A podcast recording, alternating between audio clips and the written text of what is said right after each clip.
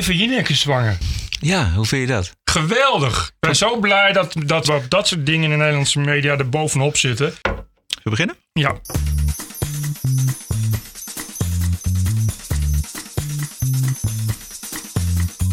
This is the TPO podcast. Ranting and Reason. With Bert Brusson and Roderick Phalo. Israël blaast links-islamitische samenwerking in Rotterdam op. Maar gaat André Rieu nog wel naar Tel Aviv? Nieuw groot misbruiksschandaal in Engeland, maar niemand heeft er zin in. Dipsaus podcast telt witte mensen op het boekenbal. Hans Thewe heeft een beter idee. Wil je de wereld mooier maken? Wil je de wereld beter maken? Oké, heb ik een goed idee. Vernietig het Westen, alle blanke mensen kapot maken. En discriminatie bestaat in Velzen. Ja, want dan eh, weet iedereen, oh ja, dat en dat is aan de hand. Welkom bij aflevering 58. This is the TPO podcast. Goedenavond Bert. Goedenavond, Roderick. Alles goed? Ja, uitstekend. Ik ben niet eh, een van de duizend slachtoffers die is eh, verkracht en gemarteld en misbruikt in het Britse Telford. 40 jaar lang, terwijl niemand iets deed, omdat de daders in meerderheid islamitische Pakistaanse moslimmannen zijn, waarover niemand iets durft te zeggen, uit angst voor racisten te worden uitgemaakt. En als er dan eindelijk wel wat over wordt gezegd, verschijnt het niet in de media, omdat de media te laf en bescheten is om daar alsnog over te berichten. Ja, we gaan het er uitgebreid over hebben. Het is wel iets wat jou het meest eh, dwars heeft gezeten volgens mij de afgelopen dagen. Het eh, was ook heel heftig nieuws. Het heeft ook heel lang geduurd voordat andere eh, media het oppikten. Ik heb het allemaal een beetje bijgehouden. Maar we gaan het er zo meteen over hebben. Iedereen in Nederland vond het al een gedrocht van een huwelijk. Alleen links zag het nog niet. Dat gebeurt wel vaker. De progressieve samenwerking met de politieke islam. Ik zou zelf die keuze niet gemaakt hebben. Waarom niet? Nou, dat heeft ermee te maken dat NIDA een partij is die eh, haar fundamenten baseert op de islam. Die ook zegt, wij vinden dat het geloof, religie een prominentere plek in de samenleving zou moeten krijgen. Ja, dat vinden wij als SP niet. We vinden scheiding van kerk en staat heel belangrijk. En daar komt bij, als je identiteit voorop zet, wat NIDA doet, ja, dan bevorder je de segregatie. Ik heb wel even een wenkbrauw gefronst, moet ik heel eerlijk zeggen. En contact gehad met onze lijsttrekker daar, Barbara Kapman. Maar zij zegt ook, dit is een lokale partij. Zij ondertekenen dezelfde uitgangspunten als wij. Op dat punt werken we samen, verder niet. Nou, dan kan dat ook. Deze partij zegt zelf, wij zijn geïnspireerd door de islam. Ja. De islam is een geloof dat homoseksualiteit afkeurt. Ja. De islam, daarin heeft de vrouw een ondergeschikte positie. Kan dat samengaan volgens u met progressieve politiek? Weet u, ehm, had u deze vragen, vraag ik mij af, over de islam ook gesteld als we met de ChristenUnie een samenwerkingsverband waren aangegaan? Zeker Maar dat is, een, dat is een partij die natuurlijk christelijk georiënteerd is. Daar werken wij heel veel mee samen. Ik baseer niet mijn keuzes voor een politieke partij op door wie zij geïnspireerd zijn, door welk geloof dan ook, of door, door welke ideologie. Mij gaat het over wat ze in de praktijk doen. En als dat deugt, dan wil ik met ze samenwerken. Ja, mooi. U hoorde Lilian uh, Marijnissen van de SP, Lodewijk Asscher van de Partij van de Arbeid. Uh, Pieter Jan Hagens met een vraag aan Jesse Klaver van GroenLinks. Afgelopen zondag allemaal. Dit was allemaal het weekend. But it's over, Bert. Ah Ja, ik vind dat Jesse Klaver echt de prijs van alle prijzen mag winnen. Ja? mag gewoon de rest van zijn leven een prijs krijgen. Een totale, een totale wegkijkende, onwetende domheid. Typische mooi. uh, hij krijgt dan die vraag. En dan, uh, dat is de, de manier om die vraag te ontwijken of geen goed antwoord te geven, is altijd te verwijzen naar een andere religieuze stroming. In dit geval het christendom. Alsof de islam Oh, met het christendom te vergelijken is. Zeker in de hoedanigheid zoals deze twee religies zich in Nederland inmiddels hebben ontwikkeld. Dat noemen wij de Urkwin of de Staphorstwin. Dat Ja. is altijd als je iets over de islam zegt, dan volgt altijd en Urk en Staphorst dan. Ja. En dat doet Jesse Klaver nu dus ook. Goed, maar het is allemaal voorbij. het, uh, het gaat niet door. Ik geloof alleen dat de SP nog uh, in de coalitie van vier zit. SP met NIDA dus. Ja. Um, dat is allemaal om één tweet. Die, dat, wat, dat is toch raar? Vind je dat niet raar? Ik vind het heel raar. Hè? Dat je, uh, kijk, dat hele NIDA, je hoeft daar maar niet eens het partijprogramma op na te slaan. Je hoeft gewoon maar te luisteren naar wat ze zeggen. Die ja. zijn dus geïnspireerd door de islam. Niet ook een klein beetje. Uh, volgens mij zijn ze nogal pro-Erdogan. En eh, ook niet een heel klein beetje. En, eh, Nee, maar het, het is gewoon de politieke islam. ja, laten we het gewoon- zo zeggen. Dus het is, echt, echt de politieke islam. Ja. Alles wat je in die ideologie niet wilt, zit in NIDA. Ja. Eh, dat wil je, het is democratisch, dat is allemaal heel leuk. En het is leuk dat ze allemaal leuk verbindende dingen doen en zo, net als Denk. Maar het is verder dus islam. Je kan bij NIDA, weet je zeker dat je als vrouw minderwaardig bent. En dat je als homo, als homo nou, nou in elk geval geen gay sauna kunt beginnen op het, eh, op het, eh, eh, hoe heet dat, op het Hofplein, zou ik maar zeggen. Ja. Als NIDA aan de macht is. Ja. Dus je weet al dat dat, dat, heel raar, dat, dat echt het tegenovergestelde is. Dat is echt het tegenovergestelde van progressiviteit. Nou ja, precies. Dat, dat, is, dat is natuurlijk het punt waar het allemaal om draait. Want die partij heeft natuurlijk recht van bestaan als er voldoende mensen zijn die op die partij stemmen. Nou, dat ziet er naar uit. Maar om dan eh, de progressief Nederland een verbinding aan te gaan met de politieke islam. Dat is natuurlijk een, een, ja, ik wou bijna zeggen een spagaat, maar het is natuurlijk een, een schizofrene situatie waar links Nederland en links Europa al jaren in zitten. Gewoon de vriendschap zoeken met mensen die eh, eigenlijk vanuit een hele middeleeuwse gedachte politiek bedrijven. Nou, kijk, links heeft altijd contact gezocht met useful idiots. en, Ja. Maar nu zijn links is nu de useful idiot. Dit is gewoon een knieval.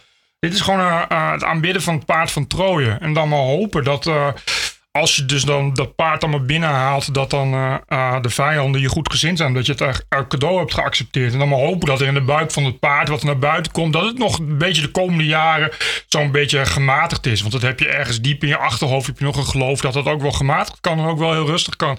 Eh, ja, het is dus echt, echt een, een, dus een knieval. Het is bukken van links. Links is op en heeft niks meer dan maar dit. Ja, we hebben st- straks nog een zeer stoere journaliste die heeft opgetreden in de Bali, die hier het een en ander over zegt. Eh, de, de linkse houding ten aanzien van eh, de islam in Nederland eh, en in Europa.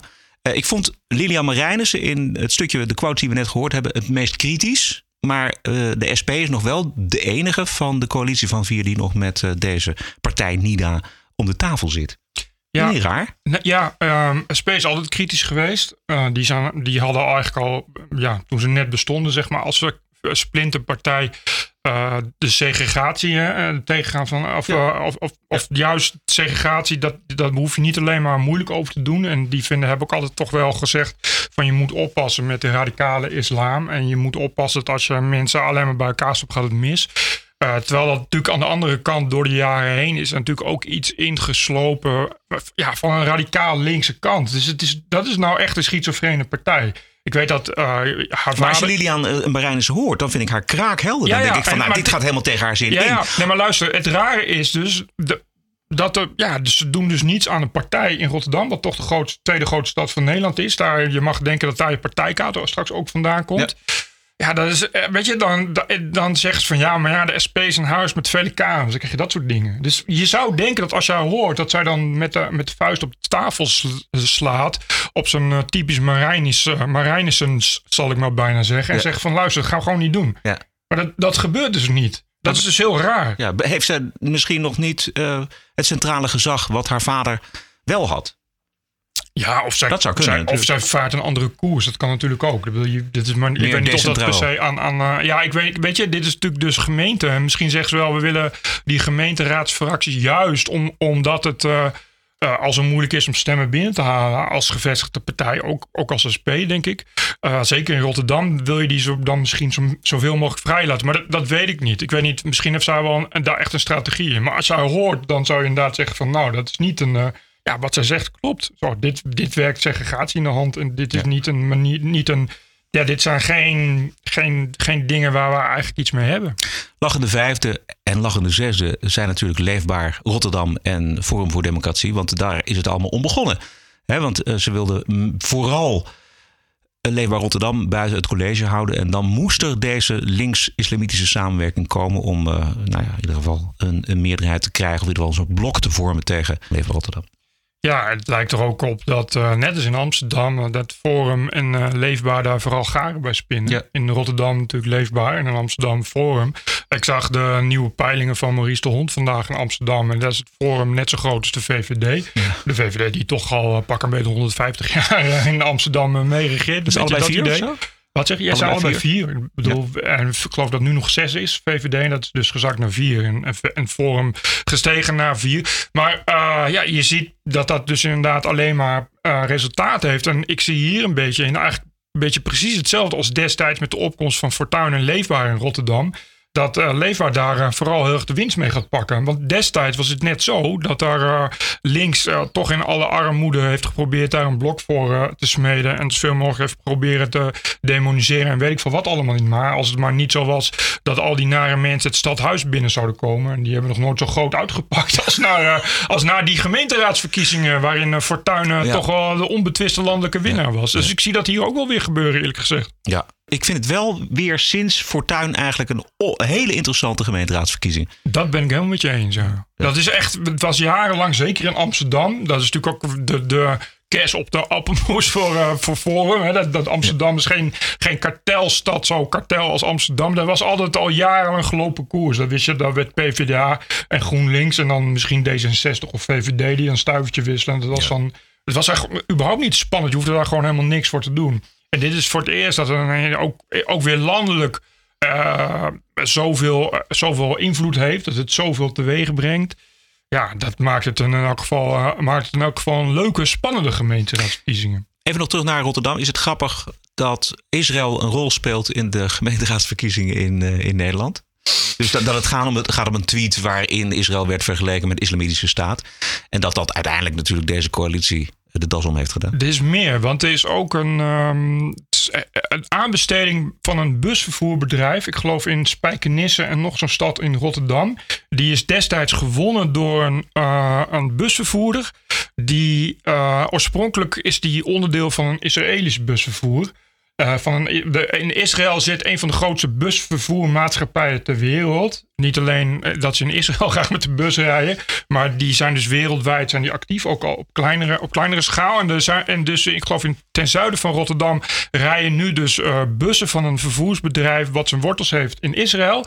En NIDA heeft daar destijds uh, een boycott op afgekondigd. Dus ik ben heel benieuwd uh, of, of mensen in Rotterdam, in het zuiden van Rotterdam, nog wel met de bus mogen van NIDA. En wat er gaat gebeuren. Ja, nee, maar het is natuurlijk ja, absurd dat dat Israël op die manier uh, uh, ja, invloed heeft. Ik mag hopen dat nou, de Joden hebben mensen nogal humor, dat die er toch een beetje ook om kunnen lachen. Dat ze zo'n invloed hebben op deze wijze.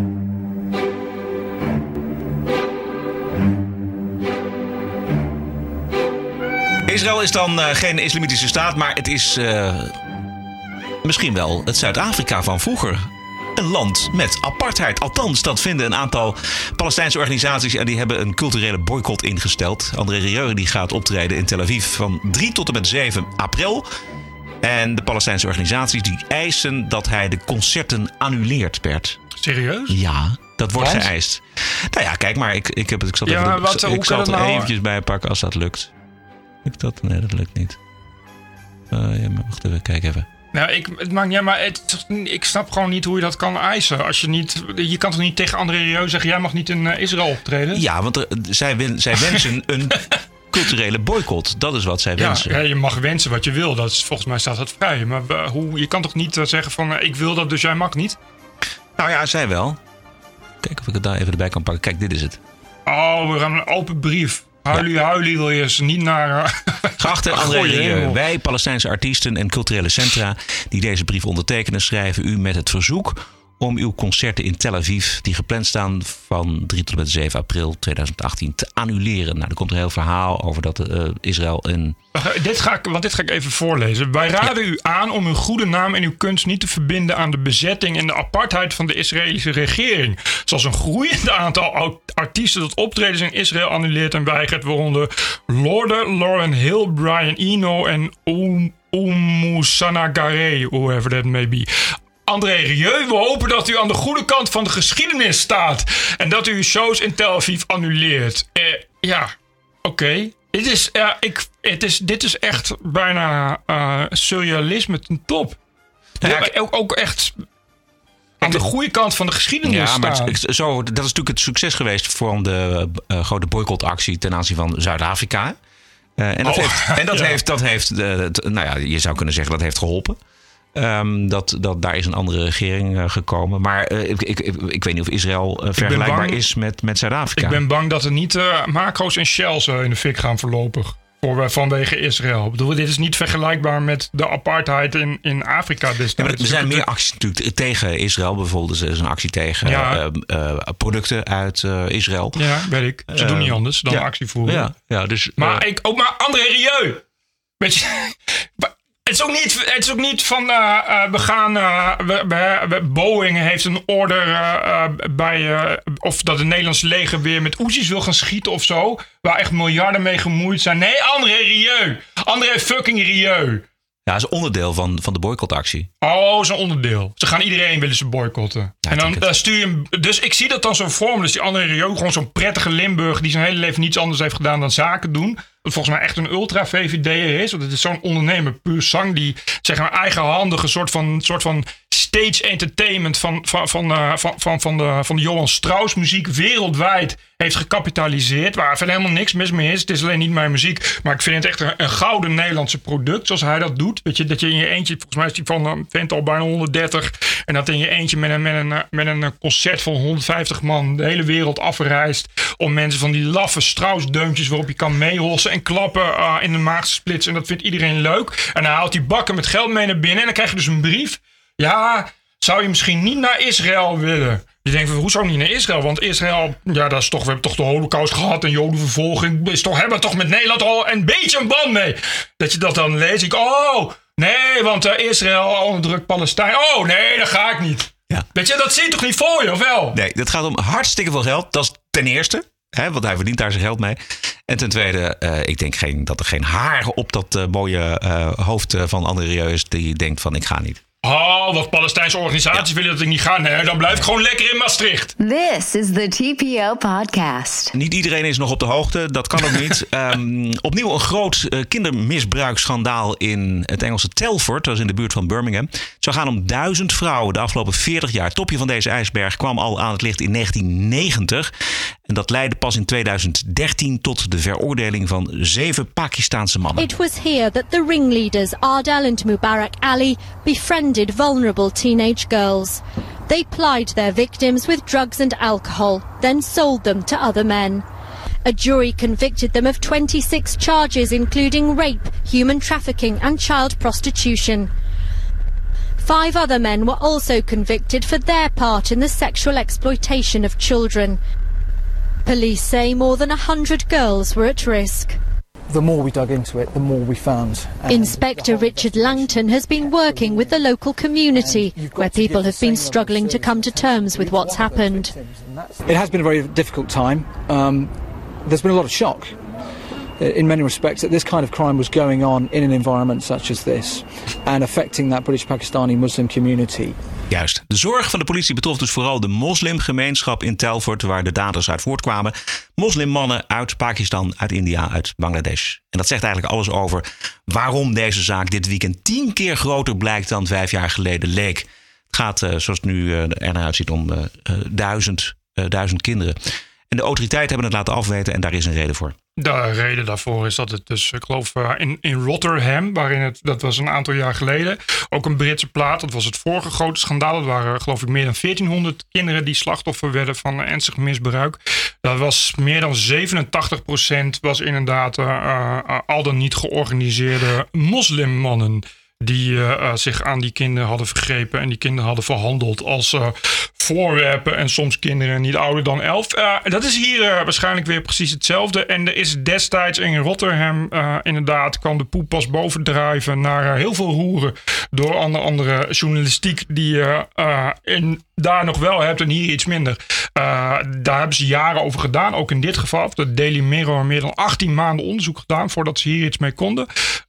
En doordat het al bekend was en krijgen ook members of parliament die in, in, in Groot-Brittannië per district zijn gekozen, Ja. geloof ik. Of in Ja. elk geval. Er zitten hier, zitten hier ook weer members of parliament die dit uiteindelijk hebben moeten aankaarten voordat er überhaupt iets gebeurde. De reden ervoor, een belangrijke reden ervoor, er zijn meer redenen. Het is sowieso een ontzettend complex probleem omdat het een complexe samenleving is. Maar een belangrijke reden is dat niemand zijn vingers durft te branden aan het feit dat eh, de daders en de verdachten eh, van islamitische afkomst zijn. Een meerderheid Pakistanen, die in Engeland overigens Asians worden genoemd. Eh, dat is eh, racisme en islamofobie, zoals je zult begrijpen. Dus wordt dat er onder de pet gehouden en Ja. weggeduwd, weggemasseerd, Met alle gevolgen. verschoven. Ja. met alle gevolgen van dien. En die zijn eh, gruwelijk als je de details leest. Die kun je zelf lezen. Maar waar, waar, waar het eh, volgens mij wij het in deze podcast eventjes over moeten hebben, is namelijk de reactie van de media daarop. Want het is een verhaal wat zondag gebroken is door inderdaad de Daily Mirror. En dat duurde dus heel erg lang voordat andere media dat oppikten. Uiteindelijk eh, kwam de Independent op on Sunday kwam met het verhaal.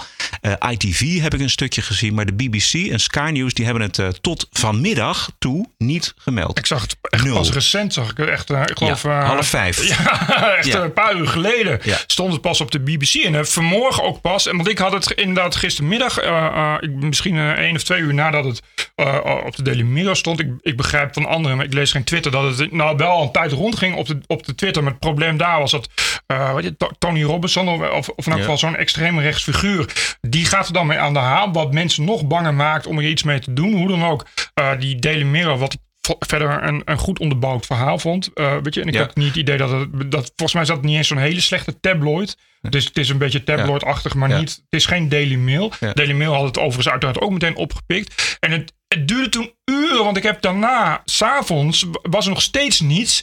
En toen stond het alleen een stukje in de Nederlandse media, alleen op, A, op AD. En in, Ja. in alle andere media was het dus gewoon niet. En het AD heeft ook helemaal niets gezegd over afkomst. Daar werd keurig over gezwegen, terwijl het uiterst relevant is in dit geval. Zeer. Om, dat is gewoon heel erg irrelevant, omdat het eh, in Rotterdam ging het, het probleem ging erom dat het gebeurde. Eh, eh, dat het zo lang kon gebeuren, omdat het binnen die Aziatische of die islamitische eh, families, om binnen die eh, islamitische gemeenschap gebeurde. Eh, de slachtoffers zijn ook alleen maar eh, eh, eh, blanke, eh, eh, autochtone eh, Meisjes. Britse meisjes.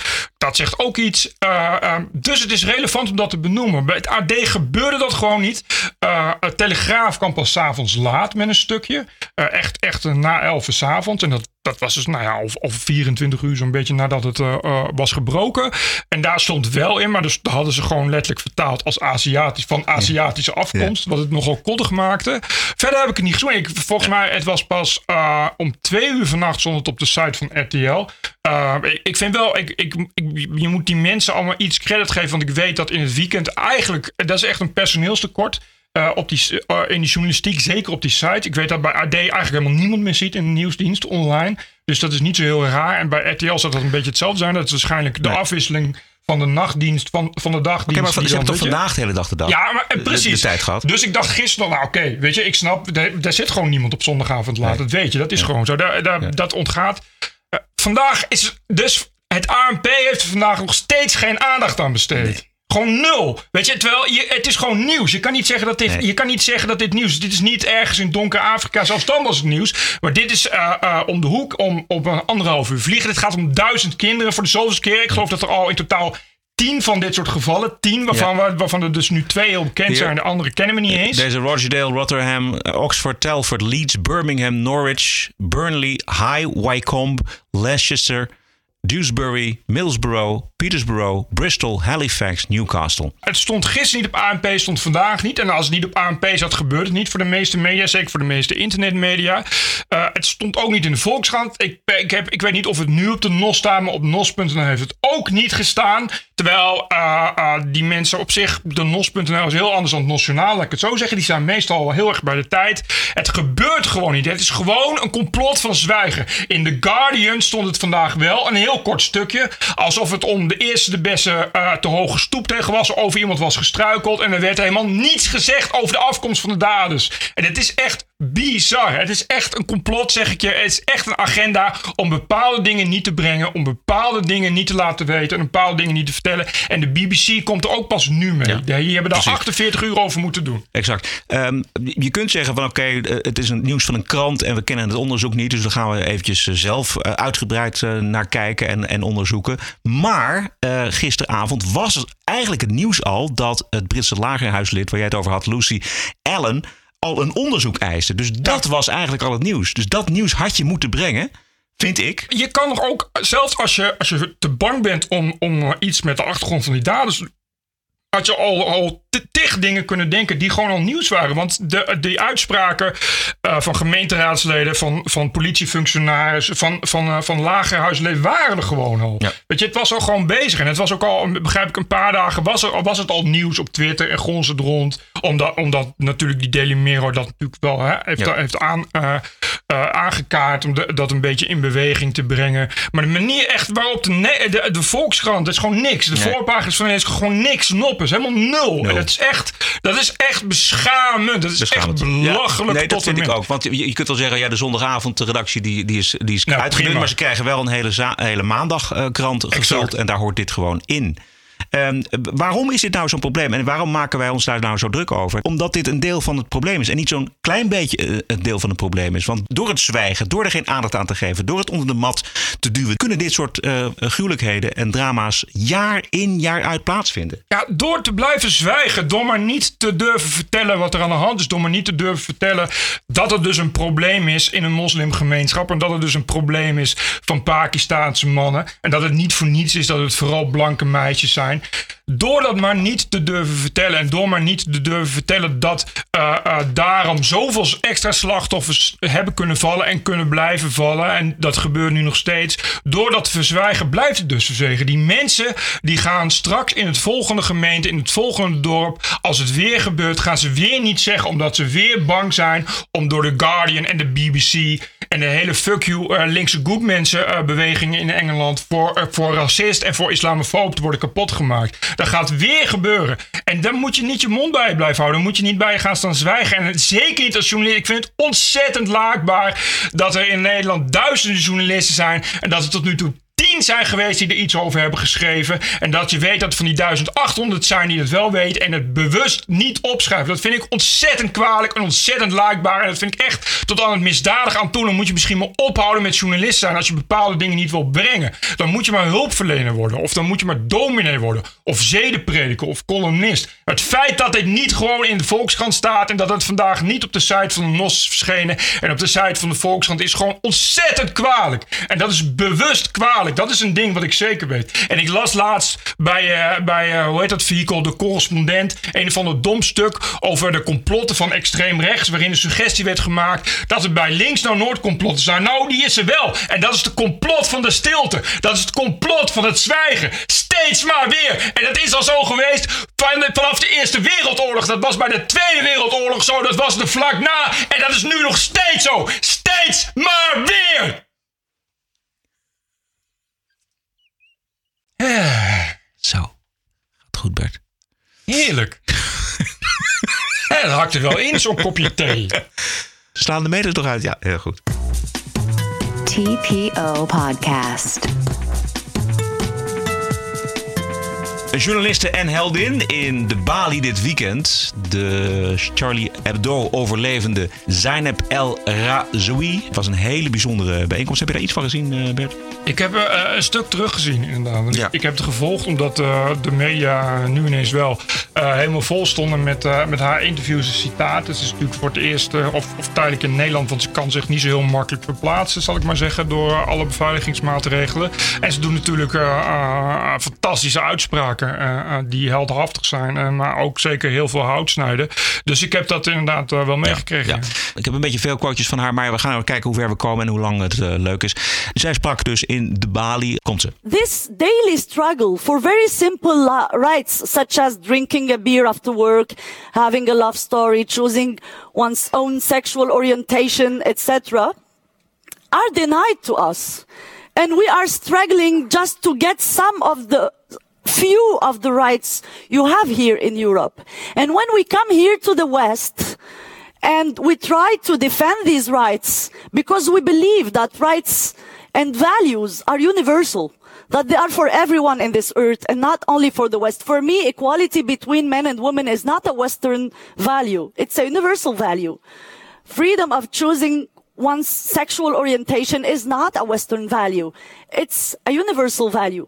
But when we come here to the West, we are surprised to find that those who are supposed to support us, actually they support our oppressors. Ja, het is de ene klap na de andere klap in het gezicht van progressief Europa, progressief Nederland.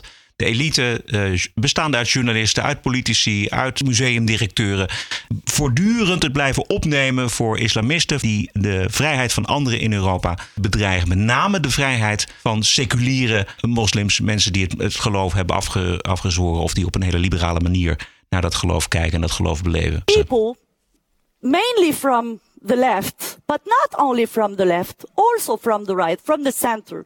Those people, you find them in political elites, in journalistic elites, those who have never left the hipster uh, corners of Amsterdam or the Bobo uh, uh, 11th arrondissement of Paris, and they give us lessons about the fact that we should be more, we should be nicer with the Islamists. We should accept the niqab and the burqa as a cool thing. Actually, I invite them to go to spend six weeks in Asyut, in Benimela, in Jalalabad, in a city like that, and they will see what is the final project of Islamists. They will see if they can cope really with the daily life in an Islamist country. Ik, de, de rillingen lopen echt over mijn rug. Naar luistert, je krijgt gewoon kippenvel van zoveel waarheid zoveel uh, passie en kracht die vrouw heeft. Ik kan me echt, uh, uh, weet je, als je dan kijkt, zie je, zie je, daar, zie je dat ook van afstralen. Maar, maar die vrouw is zo ongelooflijk dapper dat je daar echt geen voorstelling bij kan maken. Zij had eigenlijk dood moeten zijn, omdat op het moment dat die moslims de rest van de redactie van Charlie Hebdo kwamen doodschieten, zij toevallig in Marokko was en anders daar had gezeten. Ja. En de, het eerste wat ze deed, zeggen: Oké, ik ga in verzet. En, en uh, uh, uh, wetende dat je dan de rest van je leven elke seconde over je schouder moet kijken. En dan toch dit nog, dit gewoon zo blijft volhouden. En daar dit staat. Blijft zeggen en daar gaat staan. En daar, en daar gaat staan. En, en Julia Albrecht, die op zijn knieën moet om, om beveiliging te regelen. Dat zegt iets over de staat van bewustzijn van de Nederlandse autoriteiten. Kijk, ik, ik begrijp best dat je geen Franse uh, militaire of Franse bewakers in, in, in Amsterdam wil hebben. Met, ja, en als er iets gebeurt, dan gaan ja. die schieten. En ja. wat moet je ermee met. met nou, dat begrijp ik wel. Maar dat je dan niet in plaats daarvan zorgt dat deze vrouw op en top beveiligd wordt. Dat je dan zegt, ik wil, ik wil in elk geval geen, geen uh, uh, ja, ik wil gewoon geen buitenlandse beveiligers. Ja, dat begrijp ik wel. Oké, okay, maar dan zeg je nou, dan, nemen we, dan moet je je wapen inleveren. Dan mogen jullie mee. En voor elk van die be be beveiligers stuur ik een Nederlandse gewapende man mee. Ja, ja. Dat is het probleem. Maar deze vrouw mag, mag niks gebeuren. Daar gaat het om. Ja, ik snap dat, dat je ook niet dat bewustzijn hebt. Dat je denkt van als deze vrouw wel wat gebeurt dat, uh, hoeveel, tot, hoe, uh, uh, tot hoe ver boven mijn knieën ik dan persoonlijk eigenlijk in het bloed sta voor de rest van mijn leven. Dat je dat niet ziet. Dat je dan doodleuk zegt, nou nee, we zien, daar geen, we zien geen reden dat het zo onveilig is. Volgens mij heeft dit echt alleen maar te maken met wensdenken. Op het moment dat je gaat zeggen, ja. nou ja, we moeten dit beveiligen. Dat je dan te veel moet toegeven aan iets wat je niet wil. En, en ik, snap dat, ik snap dat niet. Dat je, oh, dat, dat je dat na Van Gogh en Fortuin nog steeds ja. kan denken. Ja. Hoeveel, wil, moeten we eerst een muur kunnen bouwen. Of een dijk. Een dijk van lijken, voordat we dat een keer gaan begrijpen. Wat zij goed deed afgelopen weekend in de Bali was uh, het, het, deconstrueren van het begrip islamofobie. My work since uh, that day is just to uh, say what no one wants to say in Europe. let me start with a few notions. With something called Islamophobia. Huh? Some of you may think that Islamophobia is a bad thing. That's what we are being told. No, Islamophobia is a bad thing. But actually, let's think about what is Islamophobia. Islamophobia as a word, uh, is, uh, it, it, seems like a disease, you know, it's a phobia, it's, it's irrational fear. Something, a phobia is a fear that is not rational. While actually, if we question ourselves, we might find that the fear of Islamism is a quite rational fear. And this word of Islamophobia entered the French dictionary, the Larousse, a uh, few years ago as uh, hostility against Islam, comma, the Muslims. It means that there is no difference between uh, hostility against ideas and against people which is absurd because criticizing ideas shouldn't mean criticizing people. If I criticize Islam, it doesn't mean that I hate every single Muslim person at an individual level. So Islamophobia is being used now as a tool to shut the mouths of every person who is criticizing Islam in Europe. I say in Europe, in the West, but not in the Muslim world, because Islamophobia doesn't exist in the Muslim world. Why? Because in the Muslim world, uh, I can say that no Muslim country, unfortunately, is a democracy. And most of the Muslim countries are Islamic theocracies, where the religion has the power, where it, it rules the state. And actually, when you criticize Islam in a country ruled by Islamic law, you are not accused of being Islamophobic. You were legally tried, accused of being an apostate, of committing blasphemy, and so you are either jailed, whipped in a public place, um, humiliated, um, um, I mean, you go to exile or you are killed. So when the same free and secular people Muslim born people come to the West and they just want to continue to say the same things, criticize Islam, criticize Islam as a dogma, as a religion of state, uh, uh, as an idea, as an ideology. Uh, they find themselves here in Europe accused of being Islamophobic. Zij heeft het ook over het cultureel relativisme van de elite in Europa. The worst form of racism I uh, could see in Europe is exactly this cultural relativism. What is cultural relativism? Cultural re- relativism is the fact of saying, yes, okay, we Westerners, we are for equality between men and women. We are for uh, gays' rights, uh, LGBT rights. We are for freedom of speech, freedom to criticize religion. But we will let the Muslims do it differently. We have to respect their culture and let them veil their women. Let them uh, violate these values. They are not ready for that. They don't really deserve these values. Isn't that the definition of racism? Why the hell do you think that the Muslims don't deserve also those values?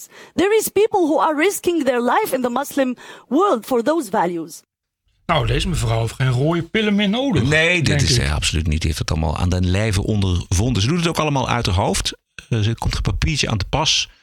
Ehm, en de portée van haar verhaal uiteindelijk is eh, dat zij het islamisme eh, gelijkstelt met het fascisme. There is a problem with Islam, but people are afraid of naming the problem by its name. And by not naming it, they are actually making it worse. This ideology is a fascism because it has all the technical characteristics of a fascism. Let me give few examples. In all the traditional fascisms, there is this blind veneration of the chief, of the leader. Uh, in Islam, the figure of the Prophet Muhammad as the perpetual leader and chief of the Ummah is completely sacred and untouchable. And we've seen the last guys who tried to just joke with this figure, what happened to them.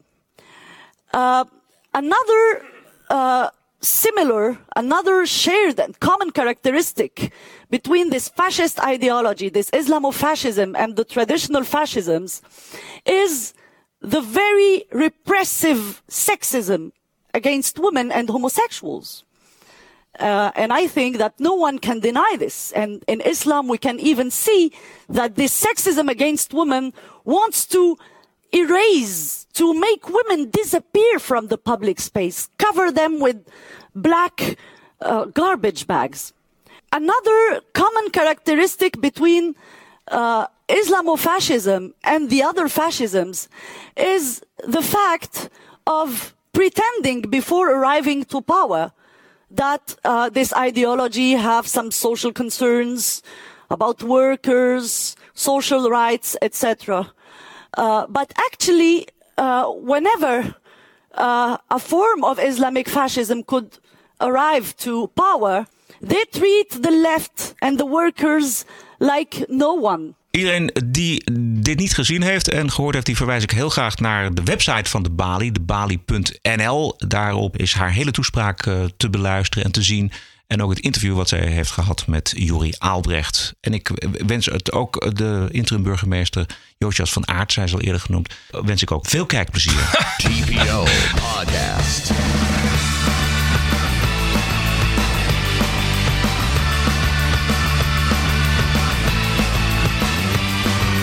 Ranting and Reason. Bert, spannende week voor Haarlem. Donderdag wordt in de raad besloten of de posters voor vrije partnerkeuze van uh, Fem for Freedom in de stad gaan hangen. En weer is het een D66-wethouder die zijn hakken in het zand zet. Waar u mee uh, bent gekomen, wat u heel graag wil, nou, dat ik uh, u goed recht, zou ik zeggen, vooral doen.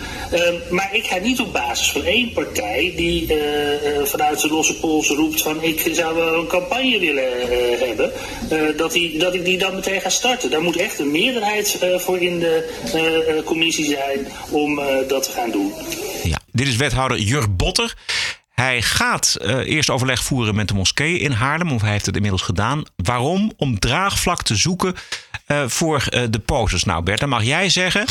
posters waarop mannen elkaar zoenen, een Joodse jongen die een moslima zoent. Wat denk jij? Wat gaan die moskeeën daarover zeggen? Nou, de islamkennen die zijn gek op homoseksualiteit. En helemaal openlijk uh, erotiserende posters. Die, die, worden, die, die posters worden met open armen ontvangen. Kan je nu al vertellen dat die echt... Die, ze gaan de hele moskee gaan zo onderplakken. Daar. Die serie Moussa die krijgt uitnodiging na uitnodiging om een lezing te geven in de Haarlemse moskee. En de hele stad wordt volgeplakt met deze posters. Dat is ook duidelijk te horen dat Jurk Bot het wil. Maar ik klinken moet je, als je D66-wethouder wil worden, moet je dan klink ook als een naaktslak. Het is al erg dat al die mensen dat ze uitzien als een naaktslak met een bruine puntschoenen en een net niet oké okay, pakje. Maar moet je ook echt per se klinken als een. Ja, ik wil toch een beetje dat we aan de toon gaan denken. Het is echt, het is echt niet te hard, Het is man. heel opvallend dat uh, dit weer een D66-wethouder is. Want we hebben natuurlijk in Amsterdam hebben we Simone Kugenheim... die ook uh, allerlei toeren heeft uitgehaald om die postercampagne niet in Amsterdam te, te, krijgen. Dat is tot nu toe gelukt. Eerst was het uh, dat het uh, te chockerend zou zijn voor moslims. Nee, toen ineens weer niet. Want en toen ineens weer niet, precies. Want toen was het, uh, hij moest de, de, fractievoorzitter, de heer Van Danzig van D66 hier in de hoofdstad, moest dat allemaal weer rechtbreien. Want ze zijn toch een progressieve partij. En vervolgens bleek er geen geld te zijn. Want 25.000 euro. Nou, dat heeft de gemeente Amsterdam voor heel veel andere zaken wel, maar niet voor de postercampagne. Ik snap ook echt niet, weet je, ik, ik, wat slaan er op? Ik ga eerst overleggen met de moskee. Ja, ja. ja. Dat is een manier om er onderuit te komen. Want uiteindelijk kan hij dan zeggen, nou, uh, er is wel heel veel verzet tegen en het, het zal ze heel erg chockeren. De fractie van D66 in Haarlem, die gaat dan zorgen dat er geen meerderheid in de raadscommissie is en dan gaat het hele feestje niet door. Ondertussen passeert kledingfabrikant Suit Supply heel progressief Nederland met een reclamecampagne van zoenende mannen. Inmiddels afgeplakt, besmeurd of vernield. Dat zegt natuurlijk iets over de, de, de diversiteit en de tolerantie van de Nederlandse samenleving. Ja, goed hè, met homotolerantie in Nederland. Die, uh, al die homo-zebrapaden die de afgelopen jaren zijn aangelegd door de lokale PvdA en D66-fracties. Uh, ontzettend goed gewerkt, merk ik wel. Dat is toch heel fijn. Ik heb toch uh, jaren, ge, ge, jaren gehoord ook uh, dat in Amsterdam dat het zo'n mooie gay capital was. Ja. De laatste tijd worden toch wel heel veel mensen op gruwelijke wijze heel hard weer in elkaar geslagen. Alleen maar omdat ze homo zijn. Is zo gek. Vind het zo raar, zo'n ja. lieve stad, vol met lieve Precies. mensen. Zo'n zo postercampagne is toch helemaal niet nodig? Totaal niet. Dat is echt, Nederland is één en al dikke tolerantie. Vraag maar aan D66, die weten ervan. Er wordt ook geen dames en heren meer gezegd stations. Nee. Dus uh, hoe kan het dan? Waarom zou je dan nog überhaupt uh, uh, homo-campagnes willen? We zijn al lang verder. Het gaat zo fantastisch in dit land. Nog even terug naar Haarlem, want uh, als je die man zo hoort en je weet wat hij eigenlijk wil, namelijk hij wil die campagne niet. Uh, maar hij zegt dat hij het wel even gaat onderzoeken. Ik moest opeens denken aan een oude scène van uh, Coat B. En daarin vraagt Coat de B om een gunst. Maar die is al vanaf het allereerste begin kansloos. Hallo, met Dorla Post Zuid. Zeg, ik heb hier een vegetarische dokter Anders die 2,5 uur te de laat bak, is. Zeker. Kan nou, niet meer, hè? Twee uur. Nee. Nee, dat dacht ik wel. Ik heb zo snel mogelijk gereden hoor. oh, ja. ja, nee. Nee, laat maar. Nee, doe ik wel. Fijn. Nou, goed zo. Je hebt het gezien, de bak. Ik heb mijn best gedaan, maar uh, zit vol. Wijk 34. Kan niet meer. Kan niet. Ik vind het wel heel dapper van Shirin Moussa dat ze het blijft proberen. Ja, dat ze ook toestemmen. Ik zou gewoon, als ik haar was, gewoon die hele stad vol poses plakken. Ik bedoel, Ja. Verscheurd worden ze toch wel. Dat zie je aan Soet Supply. Ik bedoel, dat is gewoon een dure campagne natuurlijk van Soet Supply. Zat en al die bushokjes en je reclamezuilen moet gaan opplakken. En dat wordt dan allemaal vernieuwd. Ja. En eh, ja, bedoel, dan kun je het net zo goed zelf gaan doen. Goed, we houden het in de gaten. We houden Haarlem in de gaten. Donderdag dus is eh, de stemming in de raadscommissie. En eh, nou, we gaan het, we gaan het meemaken. TPO Podcast. De progressieve culturele elite is wit. En dat schuldgevoel dat wordt gecompenseerd met eh, steunbetuigingen natuurlijk. Aan antiracismecomité's, aan open grenzen, aan anti-Zwarte Piet acties. Maar dat is voor de gekleurde dames van de Dipsaus podcast natuurlijk klein bier. Voor wie de podcast niet kent. Hij gaat over huidskleur, over huidskleur en over huidskleur. Dat ik gewoon, ja, er licht, mixed, exotisch, weet ik veel van alles en nog wat uitzie. En ik sowieso nooit word geïdentificeerd als African American. Als ik ook gewoon puur naar- nu naar jullie kijk en naar mijn kinderen kijk. Ik ben, ik ben voor zover ik weet volledig zwart. Als ik bijvoorbeeld binnen mijn Marokkaanse gemeenschap, wanneer ik mijn zwartheid claim, Dit is een totale obsessie met kleur en ras. Op het boekenbal waren de dames vooral kleuren en rassen aan het tellen. Dipsaus die tweeten op een gegeven moment. Tot nu toe alleen maar witte mensen worden er genoemd en aangehaald. Krijgen podium en interviewen. Alleen een vrouw van kleur die onderdeel uitmaakte en danst met een optreden. En vervolgens kwam er een tweet. Een andere witte man aan het woord over een, jawel, wit mang. Dat schijnt dan ook een wit man te zijn. Maar er werd niet geluisterd, maar er werd gewoon geturfd op kleur. En als er namelijk wel geluisterd was, dan hadden ze schrijver Tommy Wieringa kunnen horen herdenken. Zijn ode aan een van de grootste dichters van de laatste decennia, die onlangs overleden, Menno Wichman. Dat is treurig. Ja, heel erg. Ik vind het heel goed. eh, ik weet, eh, overigens heeft iemand al gecheckt waarom, wat die vrouw in godsnaam op het boekenbal doen. Ik weet dat het een eh, mystieke aangelegenheid is waar vroeger alleen de mindere goden welkom waren. Maar dat je als zelfs die gesubsidieerde podcastdames van het duo Duo Panotti eh, nu ook naar het boekenbal mag, dan is het misschien wel tijd om het boekenbal gewoon maar een keer op te heffen. Ik dacht overigens dat dat vorig jaar al gebeurde. Toen zaten ze in een andere toko. Maar ze zijn nu weer terug in de Schouwburg. Dus de vrezen valt dat het gewoon nog steeds voor heel veel mensen een enorm belangrijke aangelegenheid is. Hoe het ook zij. eh, ik heb gebeld even met wat slachtoffers in eh Telfort in eh, Rotterdam. En ik kreeg huilend zo'n meisje van elf aan de telefoon. Dat was groepsverkracht en zo. Ik zei, ja, je hebt het wel heel erg. Maar in Nederland zijn er dus heel veel witte mannen die in het schrijversvak zitten. En die een podium wordt gegeven op boekenbal. En ze waren meteen getroost. Ze zeiden, oh nee, maar dan hebben we ook niks gezegd. Dus misschien is dat ook de reden dat het niet in alle media staat. Dat we... Ja, in Nederland hebben we gewoon ook hele erg dingen zoals nou witte mannen, eh, te veel witte mannen op het boekenbal, sowieso te veel witheid eh, en te weinig ruimte voor eh, al die prachtige regenboogkleuren. En natuurlijk een medewerker van ING die zomaar een bonus of een salarisverhoging krijgt.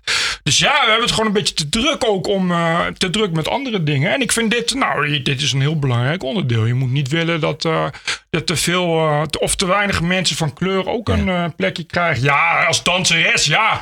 En dan straks, wie maakt er weer schoon? Wat hebben die voor huidskleur? Ja, nee, precies, precies. Maar hè, boeken schrijven, oh, oh, maar dan is het ineens eh, alleen de negerhut van oom Tom wat eh, door de beugel kan. En hallo witte mannen. En hallo Oh, witte mannen. hallo witte Oh, mensen. Daarom Hallo was ze natuurlijk mensen. op het boekenbal. Ze heeft ook, ook een keer een eh, boek geschreven. Nou ja, dan mag je het boekenbal zijn boek. Maar goed, witte mensen tellen, dat is, dat is één manier. Maar eh, Hans Thewe heeft een veel snellere Wil manier. je de wereld mooier maken? Wil je de wereld beter maken? Oké, heb ik een goed idee. Vernietig het Westen. Alle blanke mensen kapot maken. TPO Podcast. Ander zaakje waar jij je eventjes eh, druk over maakte het afgelopen weekend. Maar ik weet niet of dat nog steeds het Ja. geval is. Artikel in Ja. de Volkskrant afgelopen zaterdag met de kop... Modellenbureaus stuurden jarenlang minderjarige meisjes naar een fotograaf... die mogelijk strafbare beelden schoot. En we hebben het over eh, de fotograaf Jorik Nube. Of Nube. Volgens mij is het nu B. Het is Nube.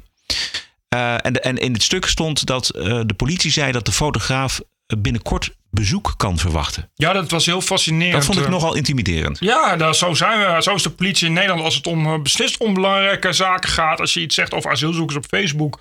Of mogelijk in kunst, mind you. eh, in alle openheid met je, met je ouders erbij. En met mensen van het modellenbureau erbij. eh, kunstfoto's maakt voor je portfolio. Die heel misschien wel eens over de grens van het strafrecht zouden kunnen gaan. Omdat het om minderjarige vrouwen gaat. Dan komt de politie ook wel eens even bij je op zoek. Weet je welke, welke tijdfragmenten ook heel vaak politie aan de deur kwam? Ja. Bij mensen? Oké. Nee, eh, maar dit is, eh, vond ik een typisch voorbeeld. Weet je, de, de, dit is de Volkskrant. eh, als er dus duizend kinderen worden verkracht, dan, eh, dan schrijven we niks. Maar als er dus een. Één vrouw is die zegt dat ze zich jaren geleden tijdens een fotosessie bij Joris Ongemakkelijk Nubé gevoeld heeft. een beetje achteraf een beetje vies voelde, dan is dat voor twee journalisten van de Volkskrant, alle twee toevallig vrouwen, dat zal er wel helemaal niets mee te maken hebben, eh, reden om deze man zo erg aan de schandpaal te nagen dat zijn naam voortaan nu altijd eh, kan genoemd worden in één zin met kinderporno. Precies. Nou, het slechte van het artikel was natuurlijk dat het alleen maar om insinuaties gaat en om, om, om één ervaring. En dat er geen enkel bewijs is en, geen, en dat, dat dus karaktermoord wordt gepleegd op een fotograaf. Het was niet eens karaktermoord meer. Dat is meer, was meer voorbij karaktermoord. Het was meer iemand die dood lag. Even nog een keer met een stoomwas en een vlammenwerper overheen. Ik bedoel, je, je kan daar namelijk, namelijk helemaal niet tegen verweren. Maar, maar dat, dat, dat dat in, een, in de krant Ja, komt. ik was echt verbijsterd. Want het, was, het had eh, geen enkele serieuze journalistieke eh, eh, weet je, bewijs in. Nee. Want er, is, er komt dus iemand naar je toe die zegt... Nou, ik heb een tip. Ik en een paar meisjes, want er waren ook nog anderen. En we zijn vroeger moesten voor ons modellen bestaan... moesten we naar Jorik Nubé. Toen waren we 17. Nou, die heeft foto's van ons gemaakt. En sommige waren topless en andere waren in spannende lingerie. Waren overigens hele mooie foto's. Je kunt ze gewoon opzoeken op, op, op internet. Niet dat je denkt, dit is porno. Dat denkt echt niemand. Of je moet heel ziek in je hoofd zijn. Iedereen denkt van, hé, hey, dat zullen wel foto's zijn voor een modellenportfolio. Anyway, dan komt er iemand denkt, nou, ik ga wat met die tip doen. Ik ga dat nachecken. Dus ze zijn alle modellenbureaus afgegaan. Daar hebben ze ook keurig bijgezet. We zijn alle modellenbureaus afgegaan. Alle modellenbureaus zeggen, nee, we hebben altijd prettig met hem samengewerkt en nooit klachten ontvangen. Je zou dan denken, oh, dan heb ik geen artikel meer. Niet bij de Volkskrant. Bij de Volkskrant denken ze, oh, dan hebben we een artikel, dus dan schrijven we op. Nee, geen enkel modellenbureau had een klacht. Nou, iedereen werkt nog samen. Er was één bureau dat zei, ja, we werken nu niet meer met hem samen. Dat komt, dat heeft, daar zijn we nog letterlijk bij. We hebben nooit klachten met hem gehad, maar dat past niet meer bij de uitstraling van ons merk. Nou, dat kan. Eh, nou, er waren een paar modellen en die hadden ook eigenlijk niet zoveel. Er was eigenlijk niemand die iets van te zeggen. Dus zijn ze maar met een paar van die foto's gegaan naar een jurist. Die werkt bij het meldpunt voor kinderporno. Ja. En je raadt het nooit. Een jurist die werkt bij het meldpunt voor kinderporno. Je raadt nooit wat hij zei. Hij zei nou... Dit zou wel eens aan kinderporno kunnen grenzen. Ik was verbijsterd toen ik het las. Ik was verbijsterd Ja. toen ik het las. Ik ben eh, naar een... eh, naar een eh, nee, daar ga ik niet... Ik hoef geen vergelijkingen te maken. Nee. Je, je weet van tevoren wel dat je niet een serieuze, objectieve deskundige hebt. De mensen die bij het meldpunt voor kinderporno werken... dat zijn mensen die nogal met kinderporno geobsedeerd zijn... en daar de hele dag mee bezig zijn. En die nou eigenlijk al in, in, in een meisje van 17 met een boerka... al mogelijk een grens van het onbetamelijke vinden. Nee, maar ik vond het bizar dat het gewoon zo in de krant stond. Dat er moet, er had toch een hoofdredactie moeten zijn die moet zeggen: jongens, sorry, leuk geprobeerd, maar je kan niet. En, of noem hem dan niet, zeg dan een fotograaf. Weet je, want het was onderdeel, want er was ook een grote stuk Precies. van ja, worden modellen steeds jonger en dat soort gelul. Zegt dan, ja, er is bekend in de modellenwereld dat sommige modellenbureaus, et cetera. Maar er werd echt bijna letterlijk alsof er een verhaal mee gezet. Mooi, nu kunnen we eens even de naam noemen van deze vuile kinderporno. Want dat is het. Die, die man die, dus, die overigens een prachtig statement maakte. Die zei, ja, ik heb het idee dat, dat, dat sinds met die MeToo-discussie... eigenlijk alles wat mooi is en de kunst nu ook aan moet geloven... en dat ik hier nu in een populistische hoek word gedrukt... waar ik helemaal niet hoor. Waar, waar ik helemaal niks, ook helemaal niets mee te maken wil hebben. Eh, eh, eh, die, die is voor de rest van zijn... En dat krijg je dus niet meer van je af. Dat kun je niet meer afschudden. De rest van zijn leven, als je zijn naam intikt... in Google krijg je Jorgen Nubé kinderpornofoto. Nee, ik ben, ik, ben benieuwd, ik ben benieuwd wat eh, de ombudsman van de Volkskrant, JP Gele, hiervan vindt. Als, want hier, hier zullen ongetwijfeld bezwaren tegenkomen. En dan moet hij daarmee aan de, aan de bak.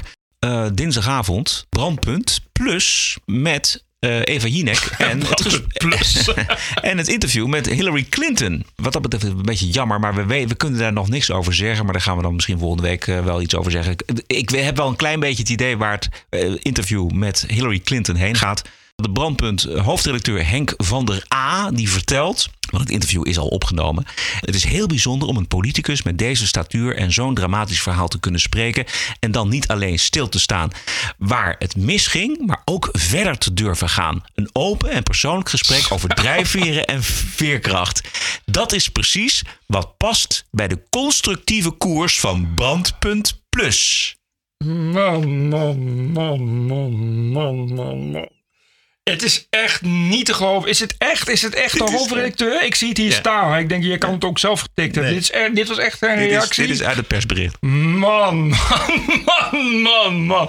Dit, is- ik ga dit vertalen in het Engels en dan al mijn Amerikaanse vrienden rondsturen. Dit is echt, ik, ga- dit is echt, dit ga ik naar, ik ga dit naar Breitbart en naar Fox News doorsturen. Ja. Zo, pak aan. Ook, ja, het is echt, je, om, het is echt te beschamend voor woorden. En inderdaad, dat pers, er zat ook zo'n foto bij, zo'n selfie met Jinek, met, Ja, met, met de hele Klink. redactie. Oh, Bart Nijman van de Geen Stijl die had het over de, het interview met de grootste loser van, van de eeuw.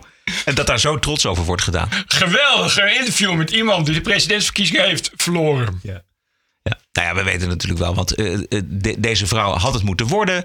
Eh, ze is haar boek aan het verkopen. En er zal ongetwijfeld één kritische vraag tussen zitten. Zo van hè, die vraag die Erik Mouthaan van RTL ook al gesteld heeft. Namelijk, wat is nou uw eigen bijdrage aan uw verlies? Ja. Nou, daar heeft ze natuurlijk al honderd keer een antwoord op gekregen. Omdat ze die vraag al honderd keer gekregen heeft. Nee. Als het een heel spannend interview wordt, dan, eh, dan trekken we al onze woorden terug. En dan gaan we heel erg diep buigen voor Eva Jinek.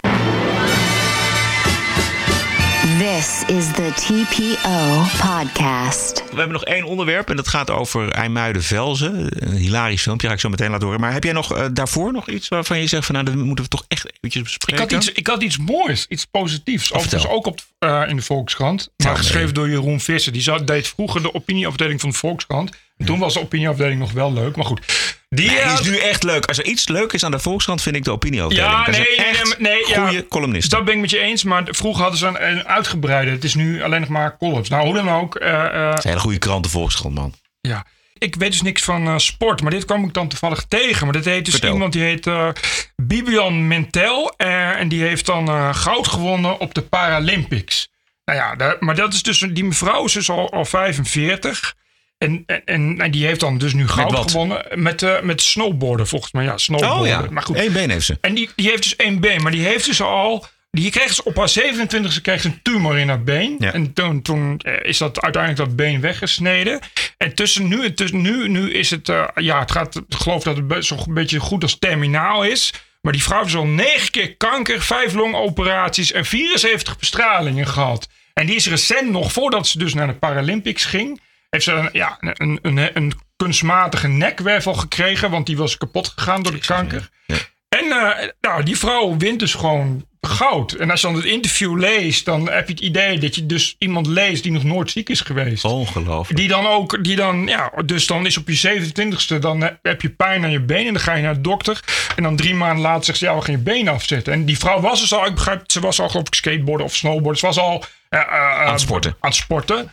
Oké, dan halen we dus je been eraf. En dan, ja, je zou denken, dan stort je wereld in. Maar deze vrouw is, oké, maar dan gaan we met een kunstbeen, gaan we, weet je. Dat vind ik zo geweldig Ja. om te lezen. Dit soort Ja. mensen. Ja. En ik dacht dus, ik dacht dus ook, want het, dit, dit, ja, het werd een beetje niet zo, of zo opgeschreven dat het even duurde voordat ik wist over wie het ging, omdat ik sport ook niet volg. Ik dacht dat het Amerikaanse was, of een Canadese. Het is gewoon een, een Nederlandse vrouw.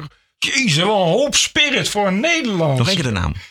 Eh, ja, nou, nu is er weer maar Men, Men- Mendel. Mendel Bi- Bibiane Mendel. Ja, het is Paralympics. Dat is natuurlijk ook weer zoiets waar, waar, waar dan alleen de echte sportfreaks... Bibian Mentel. En nou ja, ik, ik, ja, ik vond het gewoon, vond het gewoon zo'n mooi verhaal. Dat Echt, maar dat, Ja. is- weet je, dat je, dat je, dat die, dat je echt... Als je het je, dat je niet al lang hebt Waar- opgegeven. Ja, en dat ja. die mensen zeggen, nou, hoezo, ik kan toch morgen nog gewoon eh, goud, eh, goud halen als ik dat wil. En die, en die doen dat en die halen Ja. dat dus ook. Ja. En, Op één been. ongelooflijk. En betrek je dat ook nog op je eigen leven dan? ik, ik betrek het in zover dat ik, dat ik vind dat dat heel goed is. Dat je, dat je, dus je moet nooit, je moet niet zeggen, ja, weet je, je moet altijd weer durven streven naar, naar het onhaalbare. Want Ja. Anders, ja, eh, anders, je kan dat, niemand haalt goud op de Olympische Spelen als die niet begint met streven naar het onhaalbare. Ja. ja, dan is het zinloos. En dat is iets wat, wat zeker in deze tijd, en, en met de nieuwe generatie millennials in, in Nederland, in het westen van Europa, iets wat, wat toch wel eh, ja, steeds moeilijker lijkt te zijn. En dan lees je zoiets en denk je van godverdomme, dat is toch wel, eh, dat is toch wel kracht. Dan heb je toch wel echt, eh, dan moet je, dan moet je echt wel ergens die kracht vandaan halen. Dat is wel heel knap. En ik weet niet of ik dit, of ik dat echt zo zou hebben.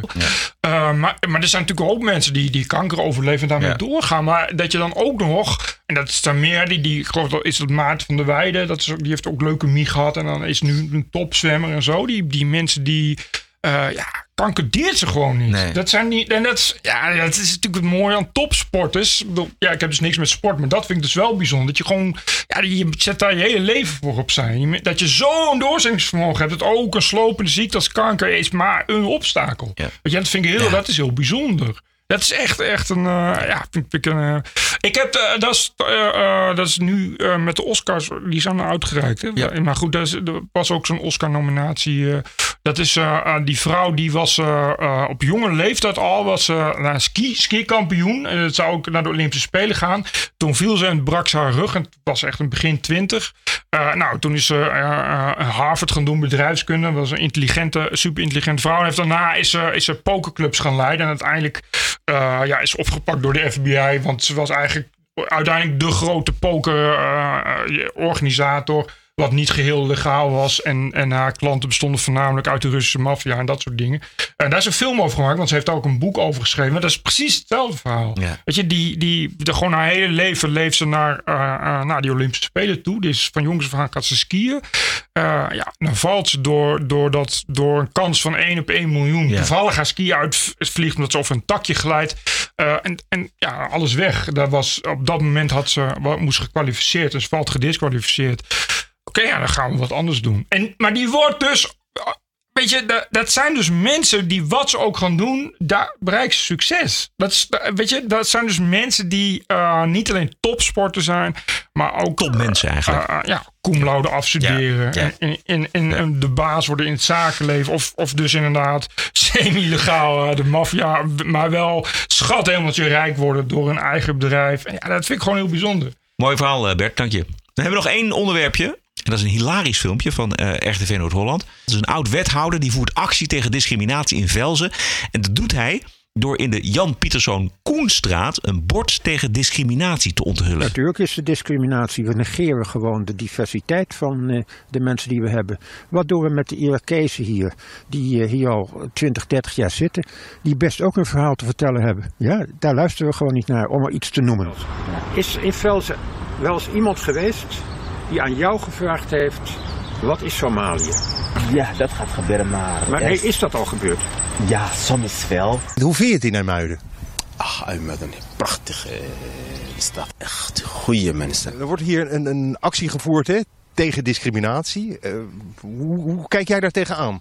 Ja, de actie altijd is eh, heel belangrijk. Gewoon tegen discriminatie. Maar tegenwoordig zie ik niet eh, voor mijn gevoel geen grote discriminatie. Nou, je hoort het. Er is helemaal geen discriminatie in Velzen. Ja, dat is natuurlijk als je mensen vraagt die discriminatie hebben meegemaakt, omdat ze een minderheidsgroep zijn. Die zullen dat nooit hardop zeggen, en zeker niet voor de televisie, dat ze discriminatie hebben meegemaakt. Ja? Want dan eh, weet iedereen, oh ja, dat en dat is aan de hand, dus dat verzwijgt je. Geweldig dat dit soort mensen nog bestaan. Ja. Dit, is, Ja. dit lijkt Dit op is zo- zichzelf een beat Ja, dit was absoluut. Dat is zo pijnlijk, maar zo geweldig. Inderdaad, hij die is een oud wethouder die daar dus blijkbaar ook in zijn pensioentijd iets moet doen. En die is dus een antidiscriminatiebureau begonnen. En bij de onthul- onthulling stond dus een asielzoeker. Die inmiddels waarschijnlijk asiel heeft gekregen. En het is ook een geweldige vorm van paternalisme. Dat je ook echt tegen de zwarte gaat vertellen. Er is luister, wel discriminatie. Luister, jij wordt wel gediscrimineerd. Klaar. Onvoorstelbaar dat dit nog bestaat. Het lijkt inderdaad 1980 wel. Tot zover deze aflevering. Heel veel dank voor de donaties van deze week. Er is best, best wel weer wat eh, binnengekomen. Ehm, het zorgt ervoor dat wij kunnen doorgaan met deze podcast. Elke ondersteuning is van harte welkom. Ga naar tpo.nl slash podcast. Wij zijn terug, eh, Bert, dinsdag 20 maart. De dag voor de gemeenteraadsverkiezingen. Heb een mooie week. Tot de volgende. Ja, een mooie week. TPO Podcast. Bert Bruson, Roderick Balo. Ranting and Reason.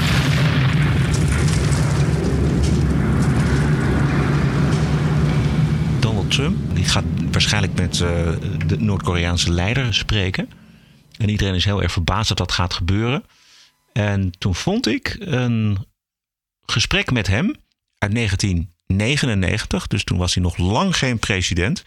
Toen had hij wel al over Noord-Korea. Luister. in three or four years are going to be having nuclear weapons.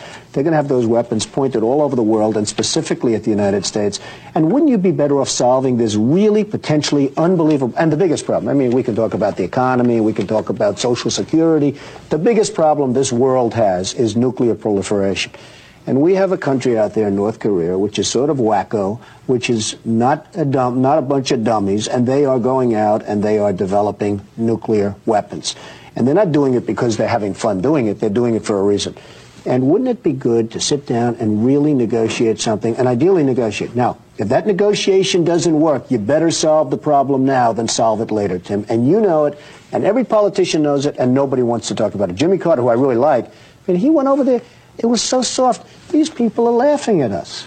The former general of the Air Force, Merrill McPeak, the former Secretary of Defense, Les Aspin, said you could not launch a preemptive strike against North Korea because the nuclear fallout could be devastating to the Asian Peninsula. I'm not talking about us using nuclear weapons. I'm saying that they have areas where they're developing missiles. No, but taking out their nuclear do you know that this country would create Tim, a fallout. Tim, do you know that this country went out and gave them nuclear reactors, free fuel for 10 years? We, we virtually tried to bribe them into stopping, and they're continuing to do what they're doing, and they're laughing at us. They think we're a bunch of dummies. I'm saying that we have to do something to stop. But if the military Ideally- told you, Mr. Trump, we can't do this. you give me two names. You're giving me two names. I don't know. Do you want to do it in five years when they have warheads all over the place, every one of them pointing to New York City, to Washington, and every one of our? Is that when you want to do it, or do you want to do something now? You better do it now. And if they think you're serious, I deal with lots of people. If they think you're serious, they'll negotiate, and it'll never come to that.